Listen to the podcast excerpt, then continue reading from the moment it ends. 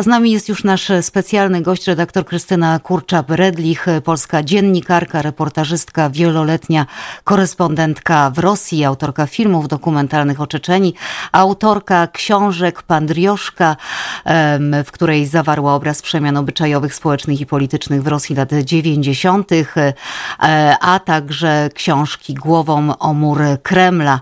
E, w tej z kolei książce opisała bardzo szczegółowo wydarzenia w Rosji od końca lat 80. do dziś, a w ostatnim rozdziale książki zatytułowanym Fenomen Putina e, podaje mało znane fakty z biografii prezydenta. Jeszcze jedna pozycja w 2016. Wiem, że dużo tego mówiłam, że gość specjalny.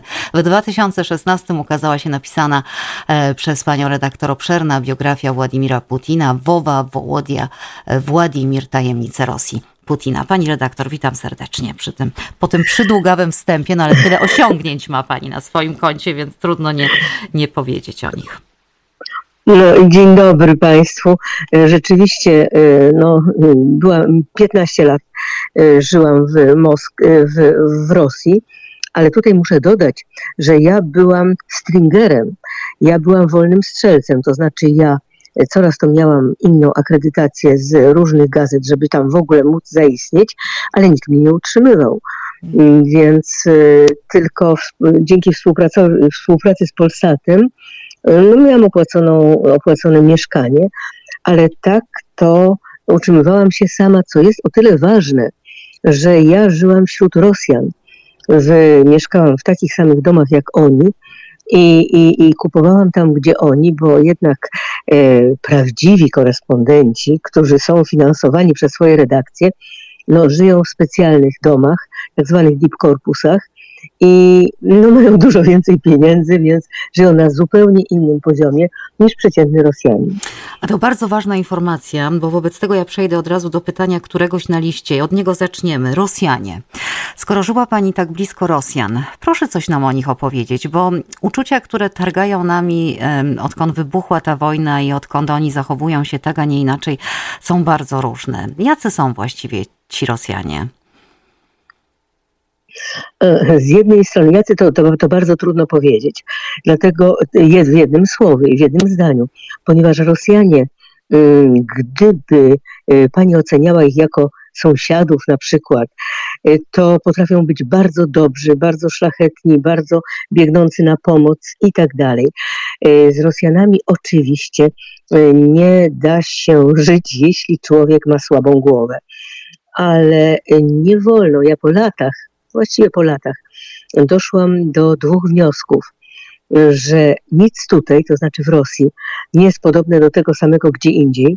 To znaczy to, co nam się wydaje podobne, na przykład e, odczucia mm, szlachetności, serdeczności, one mają zawsze jakąś drugą stronę. E, bardzo często zauważałam, że oni z kimś z zachodu się kontaktują serdecznie, bo czegoś od niego chcą.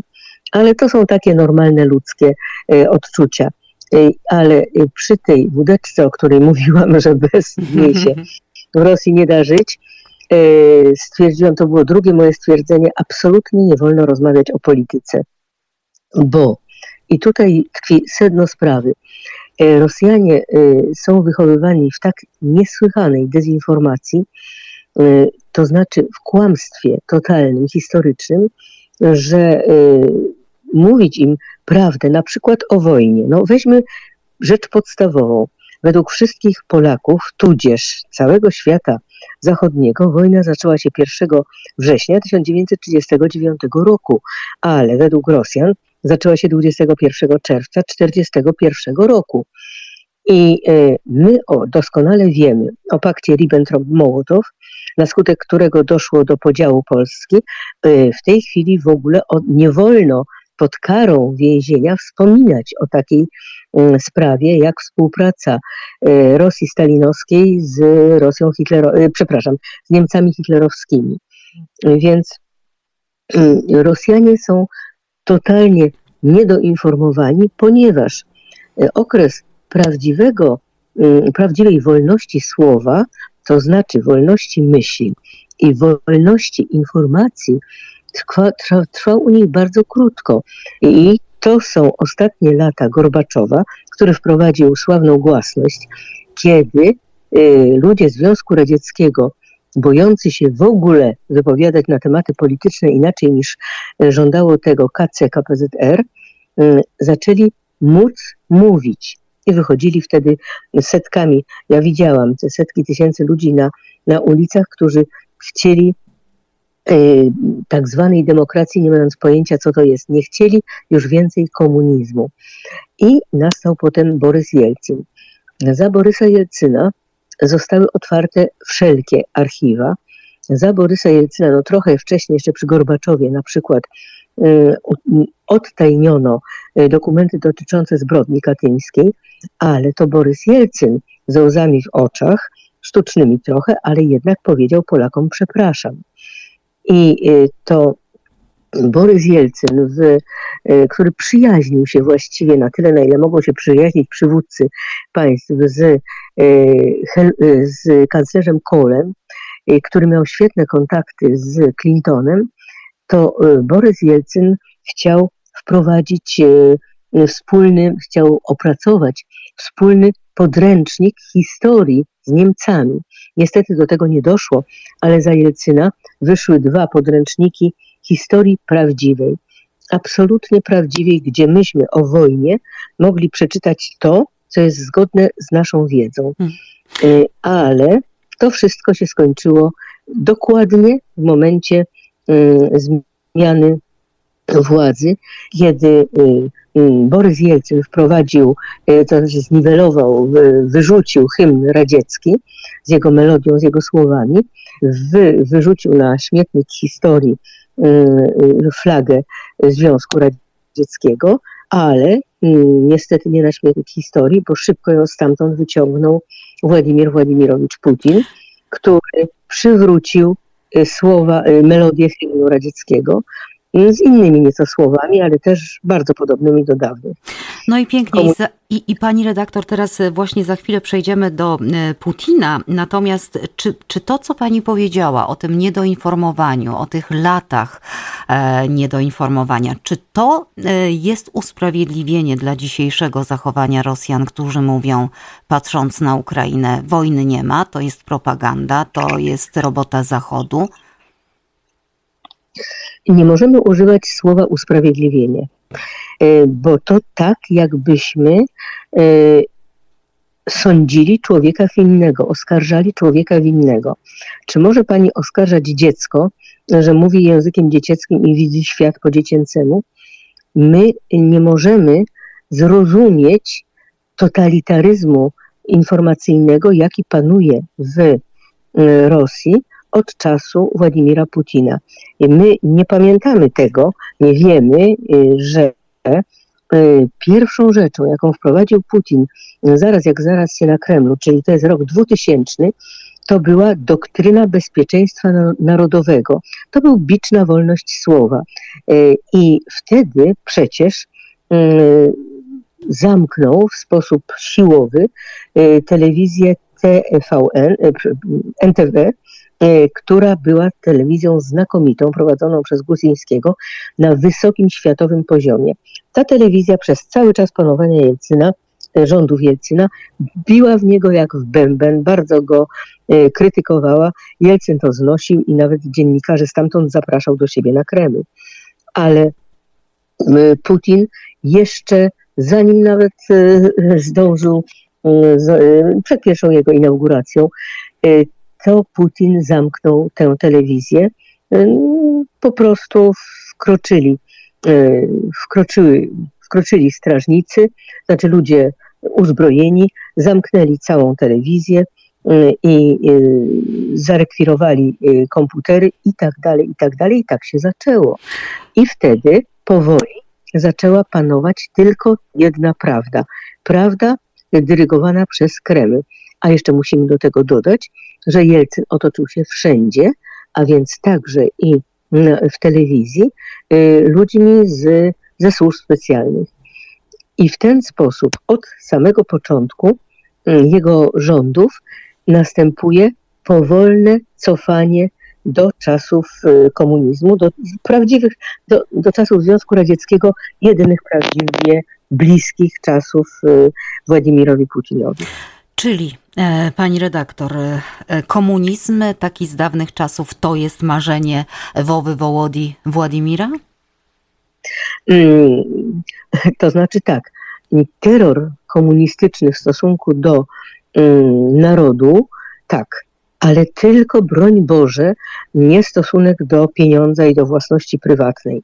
To nie, bo y, Władimir Putin, który pochodzi z, nie, z ogromnie, straszliwej biedy, z nędzy zupełnej, on ma dość skomplikowany życiorys, dlatego że e, jego oficjalna biografia, to muszę powiedzieć, e, że to nie ten ojciec, nie ta matka, nie to miejsce urodzenia, nie Leningrad i nie ten rok, bo nie 1952, tylko 1950, ale tu musiałabym odesłać do mojej książki Wowa Wołodia Władimir Tajemnice Rosji Putina, gdzie bardzo dokładnie o tym mówi, a zresztą z jego prawdziwą matką jeszcze udało mi się porozmawiać dwa lata temu.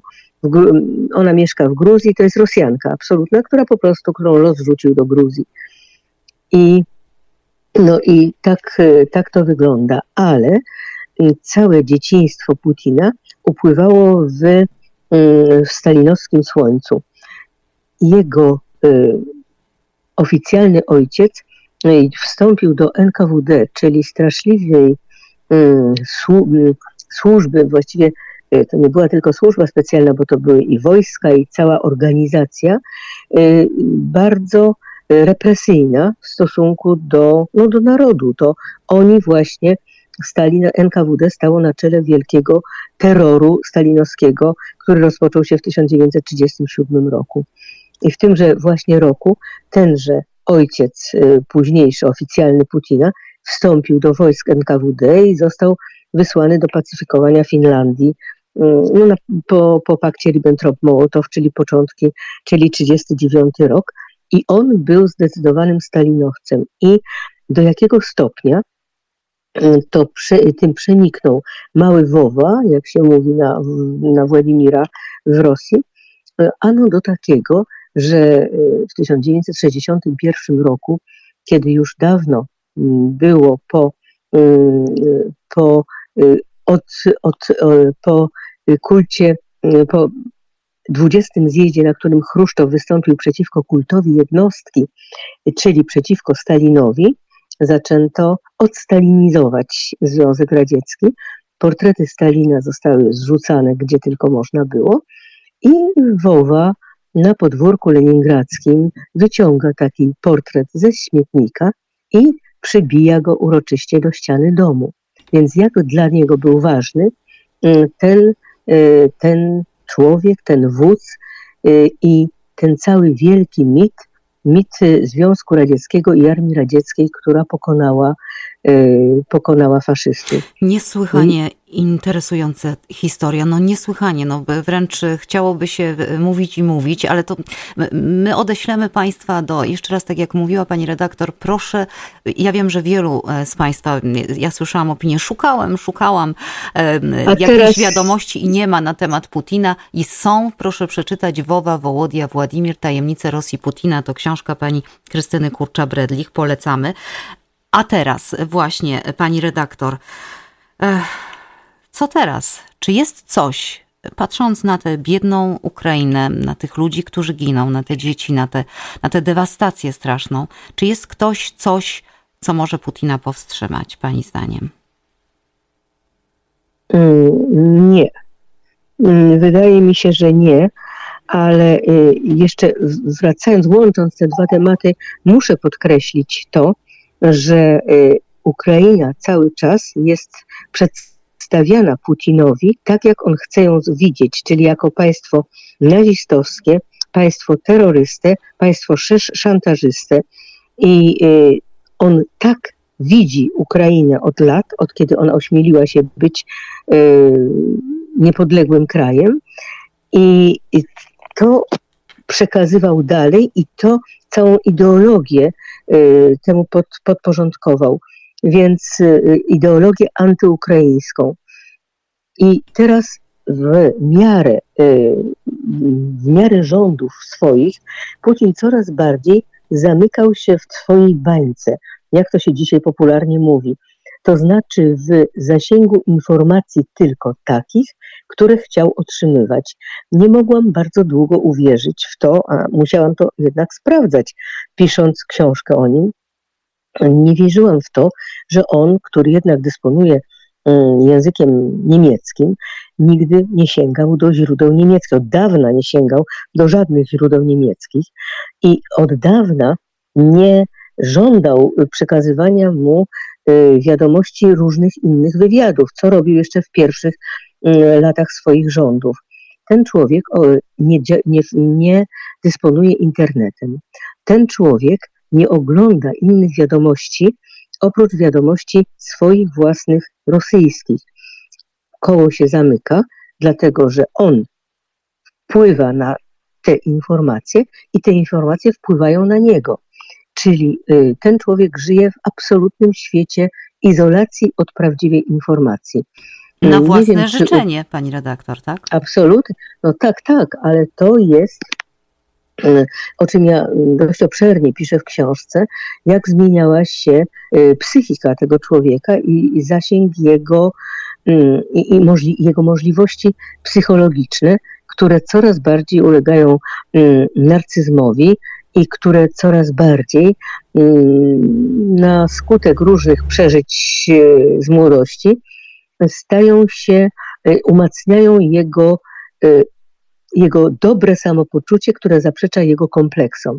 Jest to, krótko mówiąc, jest to bardzo silny człowiek, który pokonuje tygrysy, jeśli one są wcześniej nafaszerowane środkami usypiającymi. E, no, tak to wygląda. I teraz tak, mamy do czynienia z e, człowiekiem, który rządzi jedną szóstą obszaru, obszaru ziemskiego i który żyje w science fiction absolutnym. Było, nie wiem czy u Państwa, była widoczna taka e, relacja z posiedzenia Rady Bezpieczeństwa tak. tuż przed. Tak. No właśnie, przecież to, właściwie to widowisko powinno nam wszystko e, uświadomić. Mężczyźni, którzy reprezentowali wszystkie władze, to znaczy minister obrony, y, minister informacji itd., tak itd. Tak i zostają wywołani przez pana nauczyciela siedzącego na podwyższeniu do tak. mikrofonu, gdzie muszą składać wiernopoddańczą przysięgę, że rzeczywiście trzeba Y, zwrócić niepodległość Republice Donieckiej i Ługańskiej, które zostały napadnięte w 2014 roku y, i które zostały tylko częściowo spacyfikowane. I teraz ci wszyscy ludzie, z wyjątkiem y, z wyjątkiem Matwiejenko, pani Matwiejenko, która jest szefem Izby Wyższej, która jest przewodniczącą Izby Wyższej Parlamentu. I wszyscy wychodzili na miękkich nogach i to byli bladzi mężczyźni z podbitymi oczami, a szef wywiadu Naryszkin po prostu się zacinał, hmm. jąkał, ponieważ wiedział, że to, co mówi, to, co ma powiedzieć, jest bzdurą i jest także wyrokiem na niego. Dlatego, że teraz wszystkich tych ludzi można przed sądem międzynarodowym postawić o zbrodnie wojenne. To prawda. Więc, to prawda. Pani, no ale Pani redaktor, ja... I oni wszyscy tak. mówią Putinowi do dziś to, co on chce usłyszeć. Bardzo to Także są... on nawet nie ma hmm. pełnej wiedzy o stopniu przegranej swojej, swoich wojsk e, w Ukrainie. To wszystko jest nie do wiary i dlatego tak trudno się o tym mówi tak trudno się mówi, tak e, trudno się słucha, pani redaktor, bo to są bardzo pesymistyczne wizje, no bo jeśli rzeczywiście on żyje w swoim świecie, co tu mówić, dużo chorym świecie, no to rzeczywiście nie wiadomo, jak ta sytuacja cała się rozwinie i, i to nie są dobre Dla informacje. Dla Ukrainy strasznie. Tak. I Dla nie, Ukrainy strasznie. To nie są dobre informacje. Ja mogłabym z panią, tak jak powiedziałam na początku, jeszcze rozmawiać, rozmawiać, rozmawiać i pewnie jeszcze kiedyś będziemy, natomiast wszystkich, którzy czują w tej chwili niedosyt, odsyłam do e, książek e, pani redaktor Krystyny Kurcza-Bredlich, e, Wowa, Wołodia, Niestety Władimir. tylko po polsku. Po polsku. A jeszcze nasz... muszę powiedzieć tak? jedno słowo, tak? że moja książka o, o Putinie Wowa Wołodia Władimir wyszła parę lat temu i została bardzo niechętnie przyjęta na Zachodzie, ponieważ jest to akt oskarżenia Putina z uzasadnieniem, bo jednak jestem reporterką i odpowiadam za każde słowo.